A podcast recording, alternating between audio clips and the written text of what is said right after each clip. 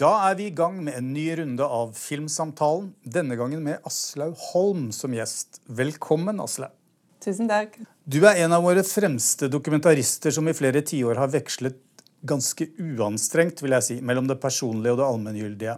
Du er for tiden aktuell med korregi på to store dokumentarprosjekter. Filmen om generasjonen Utøya som nå går på kino, og dokumentarportrettet av ikonene i a-ha, popbandet a-ha, som nå deltar på Tribeca filmfestival. Det spesielle med mange av dine dokumentarprosjekter er at de ofte tar tid. Også fordi tiden har spilt en sentral rolle i filmen. Og jeg tenker selvsagt på din skildring av dine sønner gjennom sju år i Brødre, men også på filmen om Utøya, som nå kommer ti år etter at terroren rammet oss.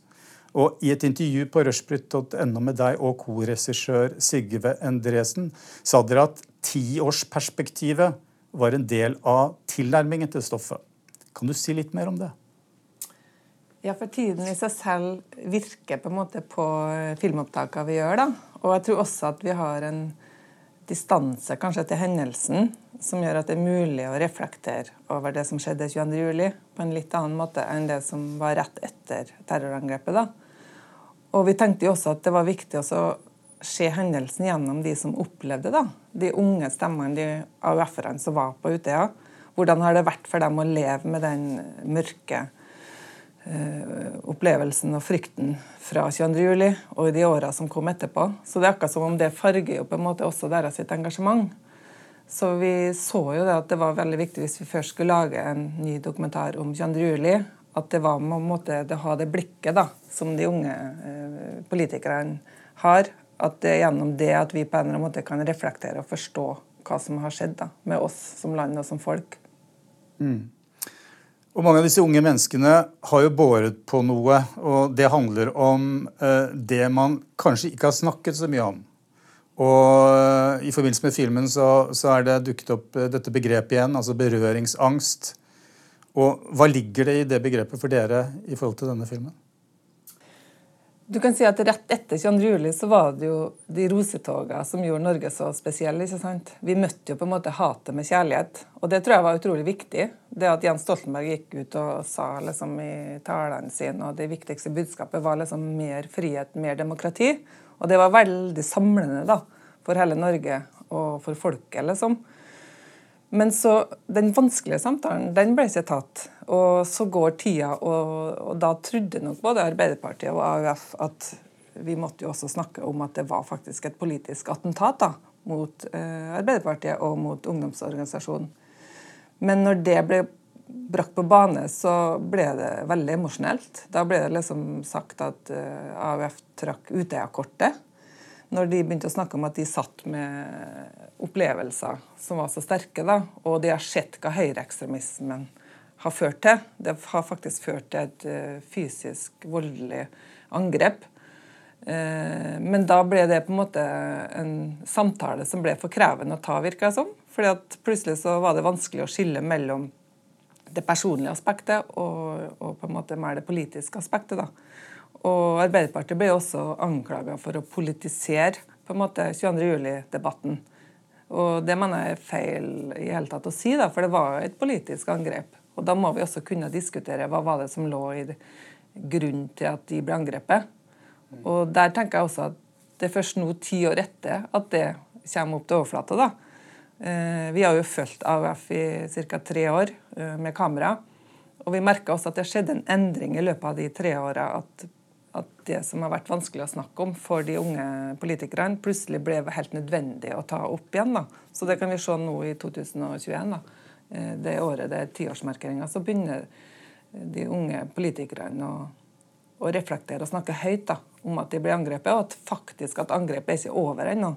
For mange av de uh, unge, engasjerte uh, ungdommene, uh, de får jo hatmeldinger sant, og blir på en måte eh, trua på livet selv den dag i dag. I filmen følger vi altså fire kvinner som alle ble hardt rammet av terroren og har kjempet for å komme tilbake til den politiske hverdagen. Altså, hvordan endte dere opp med de fire? Eh, og var det tilfeldig at det var fire kvinner? Det var tilfeldig at det var fire kvinner. Ja. Men når det ble de fire kvinnene, så var det det som var filmen. da. Det var det som var så sterkt, for at de tilfører på en måte den fortellingen vi prøver å, som vi har i Generasjon Utøya. Eh, den- De, de tilfører med hver sin historie, da, som til sammen gir et unikt portrett da, tenker jeg, av den eh, generasjonen. Så det er jo egentlig et generasjonsportrett. Så du kan si at det er fire kvinnelige hovedkarakterer, men så har du også mange av de andre eh, unge karakterene som også tilfører en stemme. da.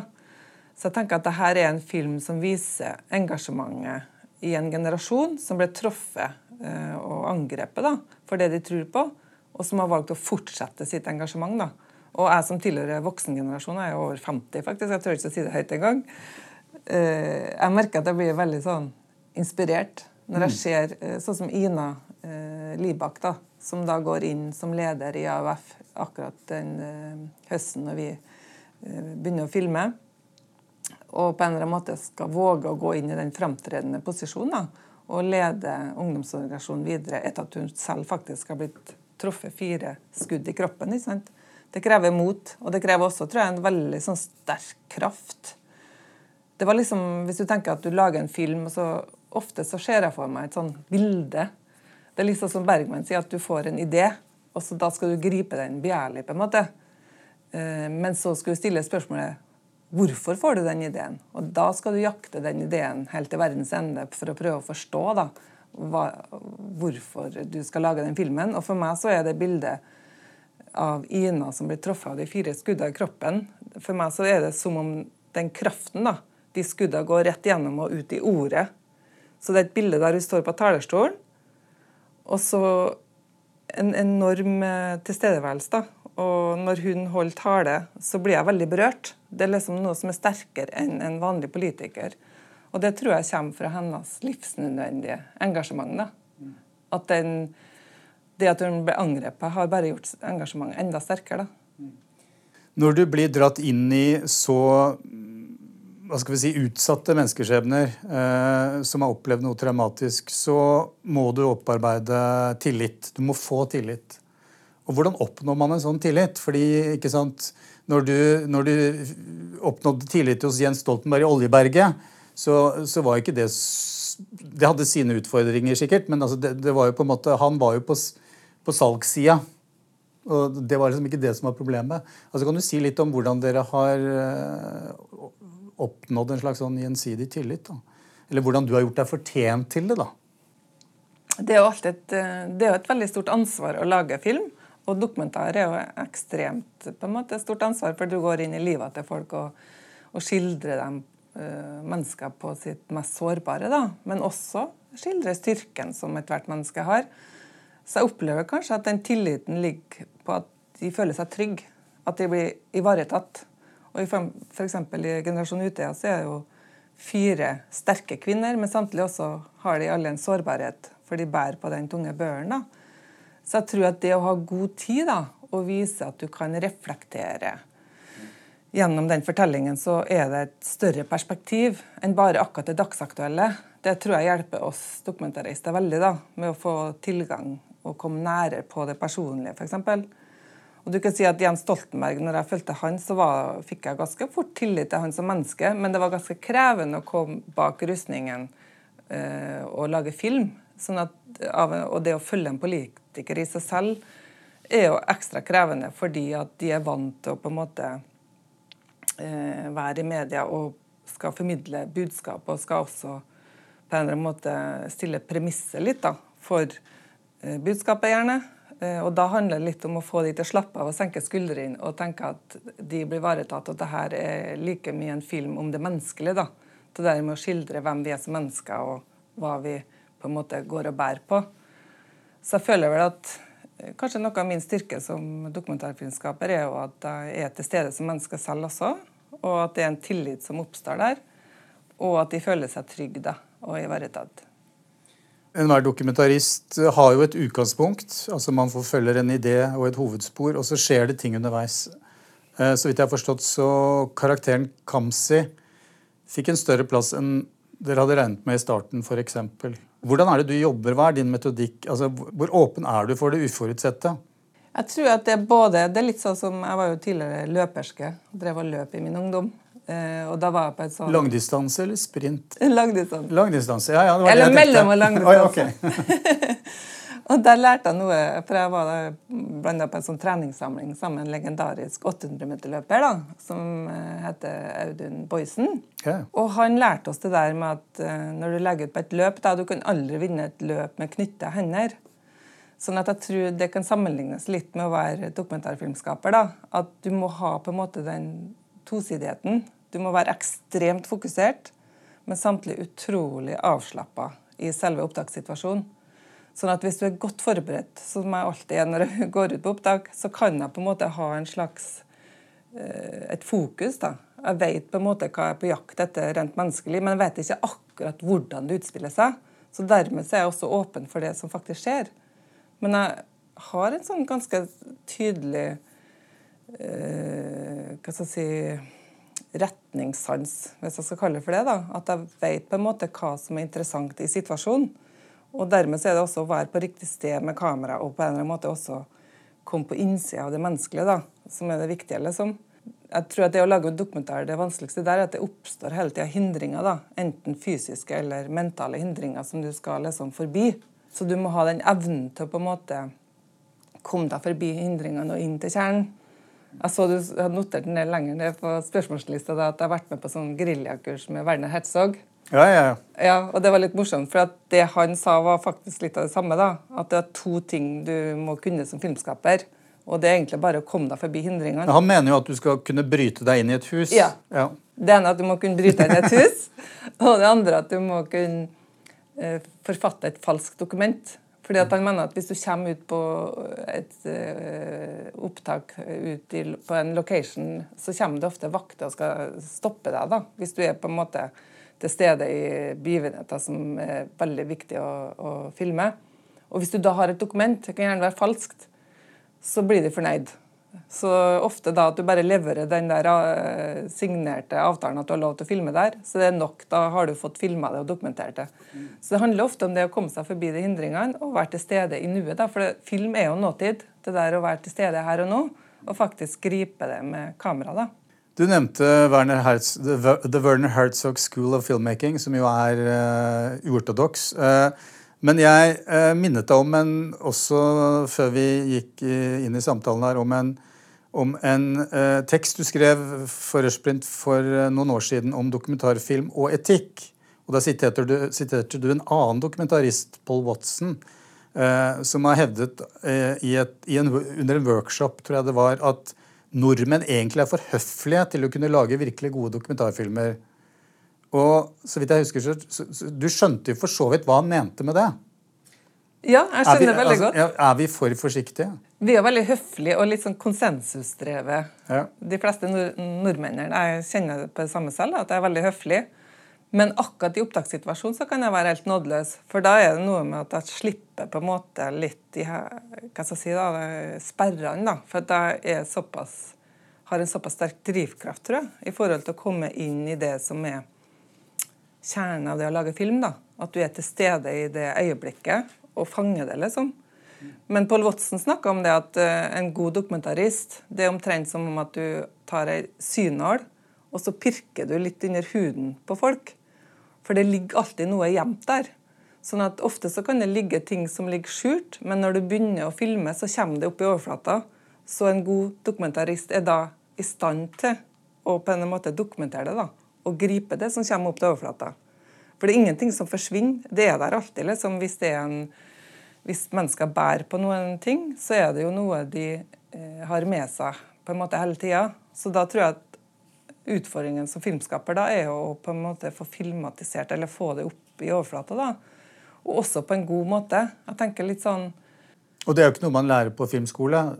Det er, det er noe man altså, gjennom erfaring og menneskekunnskaper selv har, altså, har, har fått etter hvert. Jeg tror du må by på deg selv. da. Det er litt sånn som når jeg filma 'Heftig begeistret' og møtte de karene i mannskåret Berlevåg mannsangforening, så hjalp det jo veldig at jeg var fiskerdatter. da. Ikke sant? Jeg hadde jo den eh, hva skal jeg si, den følelsen av å være på havet, det har jeg jo i blodet. liksom. Så når jeg snakker samme språk som dem, så møtes vi på et vis. da. Og da åpner det opp for noen ting. Et sånn menneskelig møte. Nå foregriper du egentlig nok en gang et spørsmål jeg hadde tenkt å komme inn på. men Det er, det er ikke så viktig spørsmål, men det handler jo faktisk om det at altså, Jeg kan ikke se for meg at en mannlig fotograf kunne oppnå det samme med de gutta i, i mannskoret i uh, Berlevåg.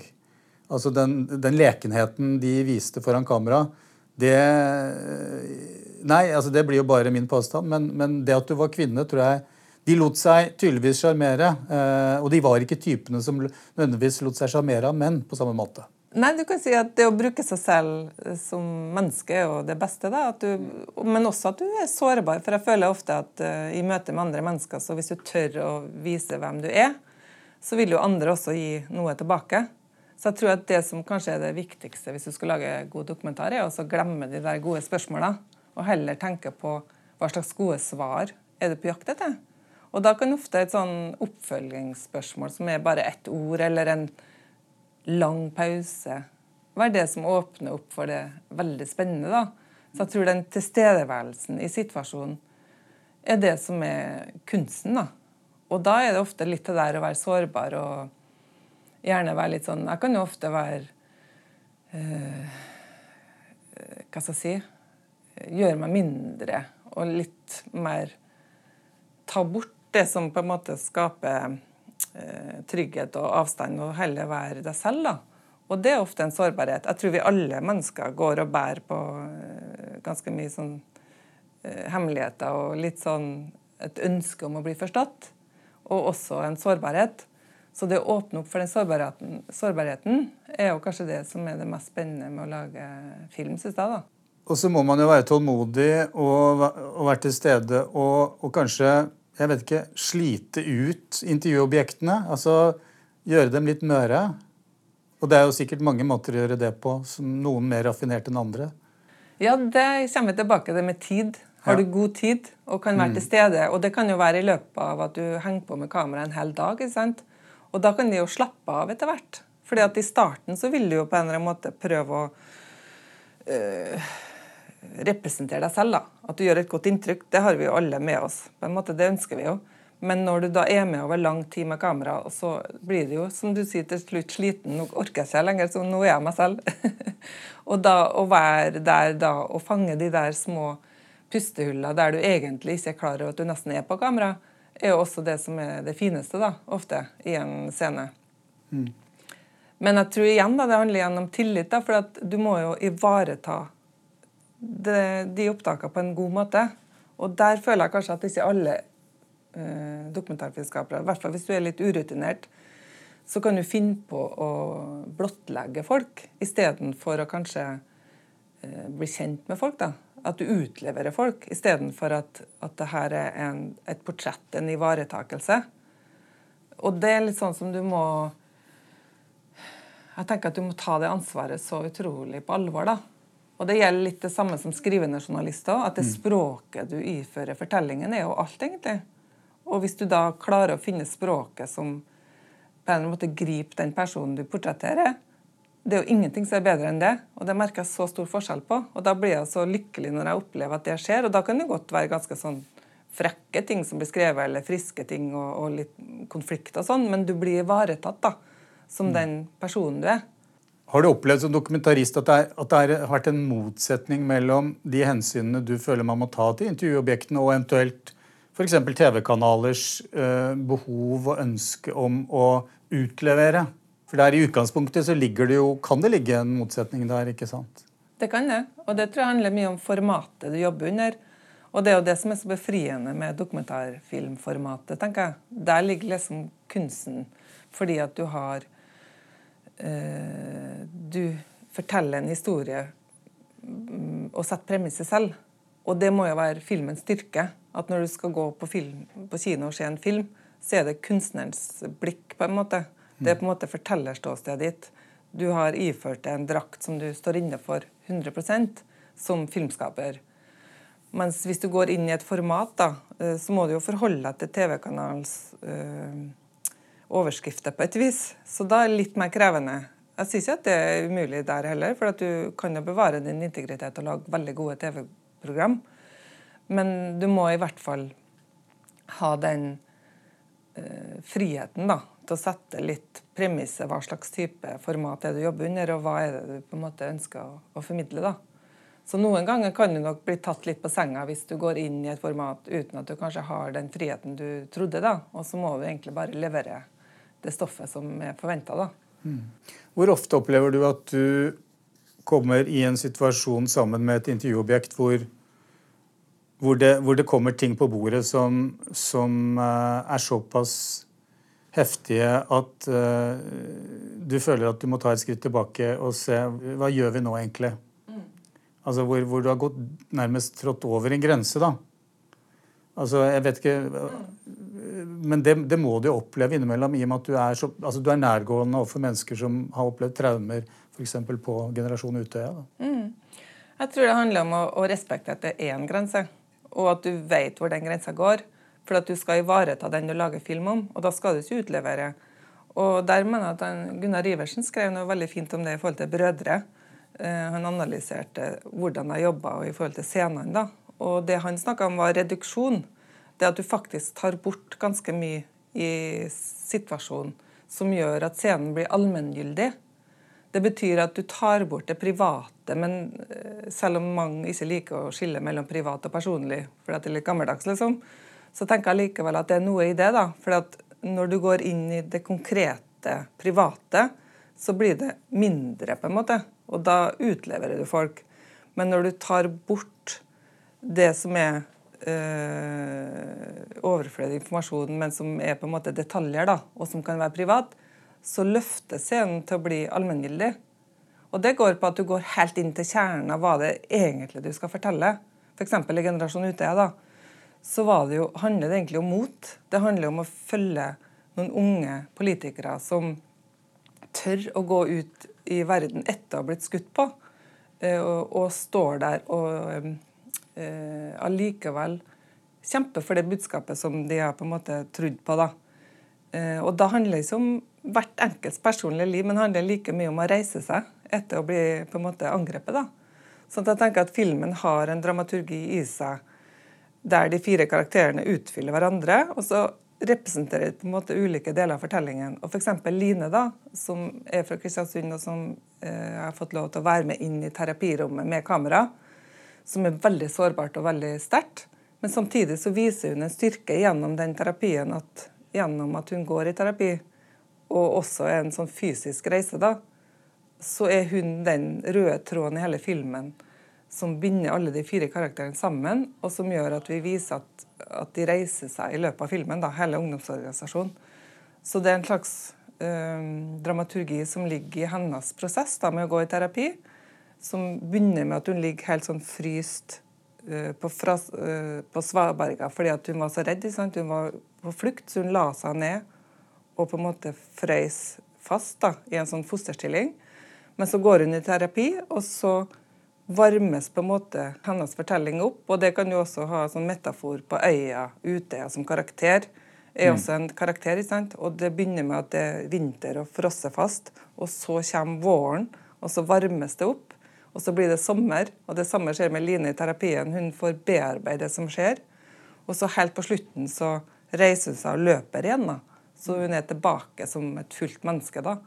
Så jeg føler at Å tenke sånn gjør at fortellingen blir mer universell. For det er noe alle kan eh, relatere seg til. da. Mm. Du har også jobbet sammen med Thomas Robsan på dokumentaren om a-ha, som har premiere på Tribeca filmfestival i disse dager mens vi sitter her. Og Der er det altså popstjerner som er gode på å beskytte seg selv.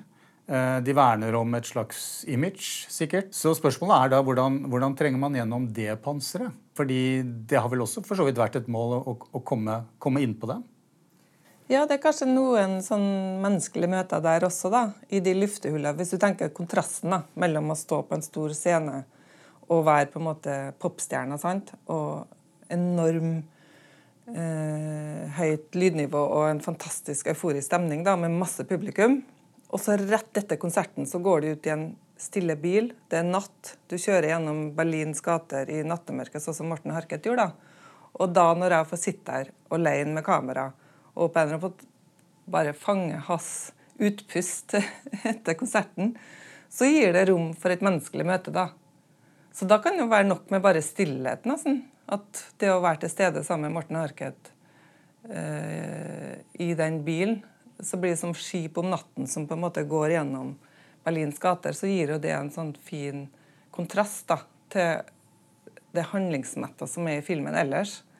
Så jeg tenker at stillhet i seg selv også kan si noe om en karakter. da. De er jo vant til å ha fotografer rundt seg. Eh, de er vant til at noen ønsker å, at de skal komme med en uttalelse om et eller annet. Din, altså Hvordan beveget du deg blant de? På et eller annet tidspunkt så ble du vel fortrolig med deg, men eh, jeg vet ikke hvor lang tid det tok.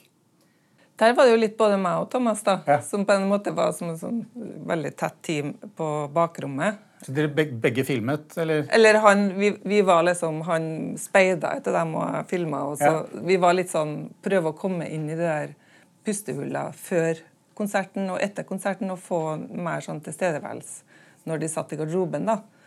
Så da handler det litt om å, å, på en måte få den tilliten. Og der har jo Thomas uh, fått veldig god relasjon til bl.a. Magne Furuholmen på forhånd. da. Så vi fikk jo en tillit i utgangspunktet med å lage filmen. ikke sant? Uh, men da var det litt av det å få de til å være åpenhjertig i garderoben og snakke om uh, hvordan det er å være musiker og skal skape noe kunst. sant? Og det jeg opplevde, var jo at alle de tre er enormt ambisiøse og dedikerte i forhold til musikken. Sånn at det er ganske krevende å være i et band, tre individ, og så skal du være i et kollektiv der du til sammen da, skal lage noe større enn det som du klarer enkeltvis. Så da opplevde jeg at friksjonen mellom de tre hadde to sider i seg. sant? Du hadde det konstruktive, som var å skape musikken, og så hadde du på en måte friksjon som består av konflikt. da. Så da var det litt det der som Thomas var veldig god på, da, å få dem til å snakke om det. Hva som kreves for å lage eh, stor musikk. Eh, så da ble det på en måte kanskje møter og intervjuer på, i garderobene før eller etter konsert som, som, ble litt personlig. da. Som ble mer det som jeg tenker er dokumentarens styrke. da. At det er noe annet enn når de stiller opp til et fotoshoot eller en sånn kort planlagt uh, intervju, som er mye kortere format. sant? Så da var det igjen denne tiden og, og, det å hvile i det garderoben sammen med de, uh, som jeg tenker var det som gjorde at vi fikk noen veldig fine scener der med de gutta. da.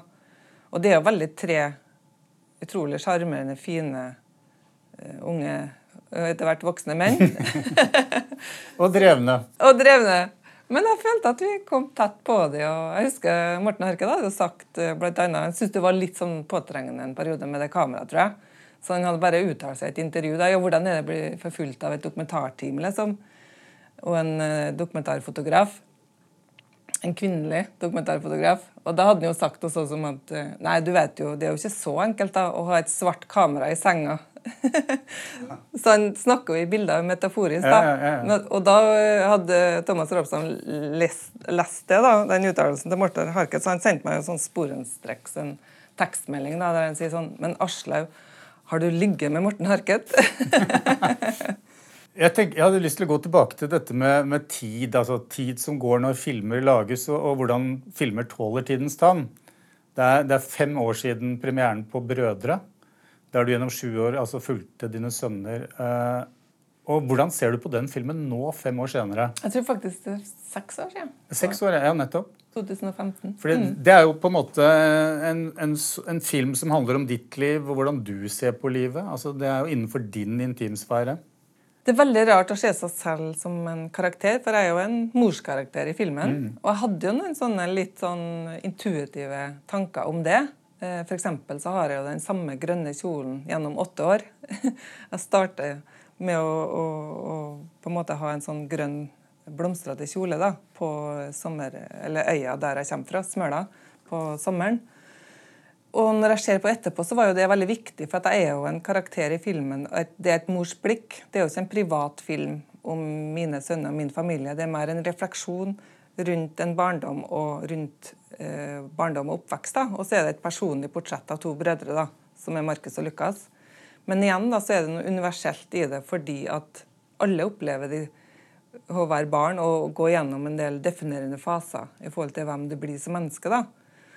Så det er veldig rart nå å tenke på tilbake at nå er den tiden over, faktisk. Selv om jeg var veldig opptatt av det underveis når jeg filma òg, at snart den tida her forbi. Eh, også nå er den tiden forbi. Nå er det en film som viser en periode av livet som aldri kommer tilbake, liksom. Og det merker jeg at det er veldig sterkt. Og det er også litt sånn rørende, og jeg kan ja, bli litt på gråten nesten når jeg tenker på eh, at den tiden er over, da. Det er noe som en må forsone seg med. Og jeg tror livet er litt sånn, da. At vi må forsone oss med at alt er på en måte faser av livet som er forbi. Og da er jo kunsten liksom hele tida å, å, se på det som noe godt, og én ting er forbi, og så er det noe nytt som åpner seg, liksom. Og det å være til stede i livet ditt. Men kunne du tenke deg å gå løs på et lignende prosjekt igjen? Hvor du på en måte følger noe eller noen gjennom så mange år. Eh, det er jo et veldig spesielt eh, prosjekt. Mm. Du er tydeligvis ikke i gang med det, i hvert fall. Nei, det er jo, noen, eh, det er noe sånn selvbiografisk i ett prosjekt da, som jeg mm. jobber med. Men eh, faren med å gå så dypt inn i et prosjekt det er jo akkurat det der med at du mister noe også da, i, det, i tiden. At du på en måte bruker så mye tid på å lage de filmene. Og så hvor er livet ditt, liksom? Så det er jo det som føltes som et dilemma når jeg jobba med filmen og eh, mine to sønner. da, at Hvor blir tiden av, på en måte? Men der følte jeg vel midtveis i prosessen at jeg klarte underveis å se at det var verdifullt å være filmskaper også, da. At jeg er jo mor, men jeg er også filmskaper. Og det å verdsette den muligheten til å lage en sterk film og å filme mine barn, at det i seg selv også er livet. da. At det er noe som, som jeg kan være til stede i og, og sette pris på. Så det følte jeg at jeg klarte, ikke i starten, men liksom i løpet av de åra, da, å se på som en stor gave. da. Så underveis så følte jeg at jeg klarte å ha et godt liv, selv om det var en krevende film å lage. Men det er jo et dilemma det der med å lage fortellinger om andres liv. og det er så altoppslukende at du på en måte kan miste deg selv. Så det kan jo være et prosjekt som jeg kanskje har lyst til å reflektere litt rundt. da. Mm. Mm. Takk for at du ble med i Filmsamtalen. Tusen takk, Kjetil. Det var utrolig inspirerende.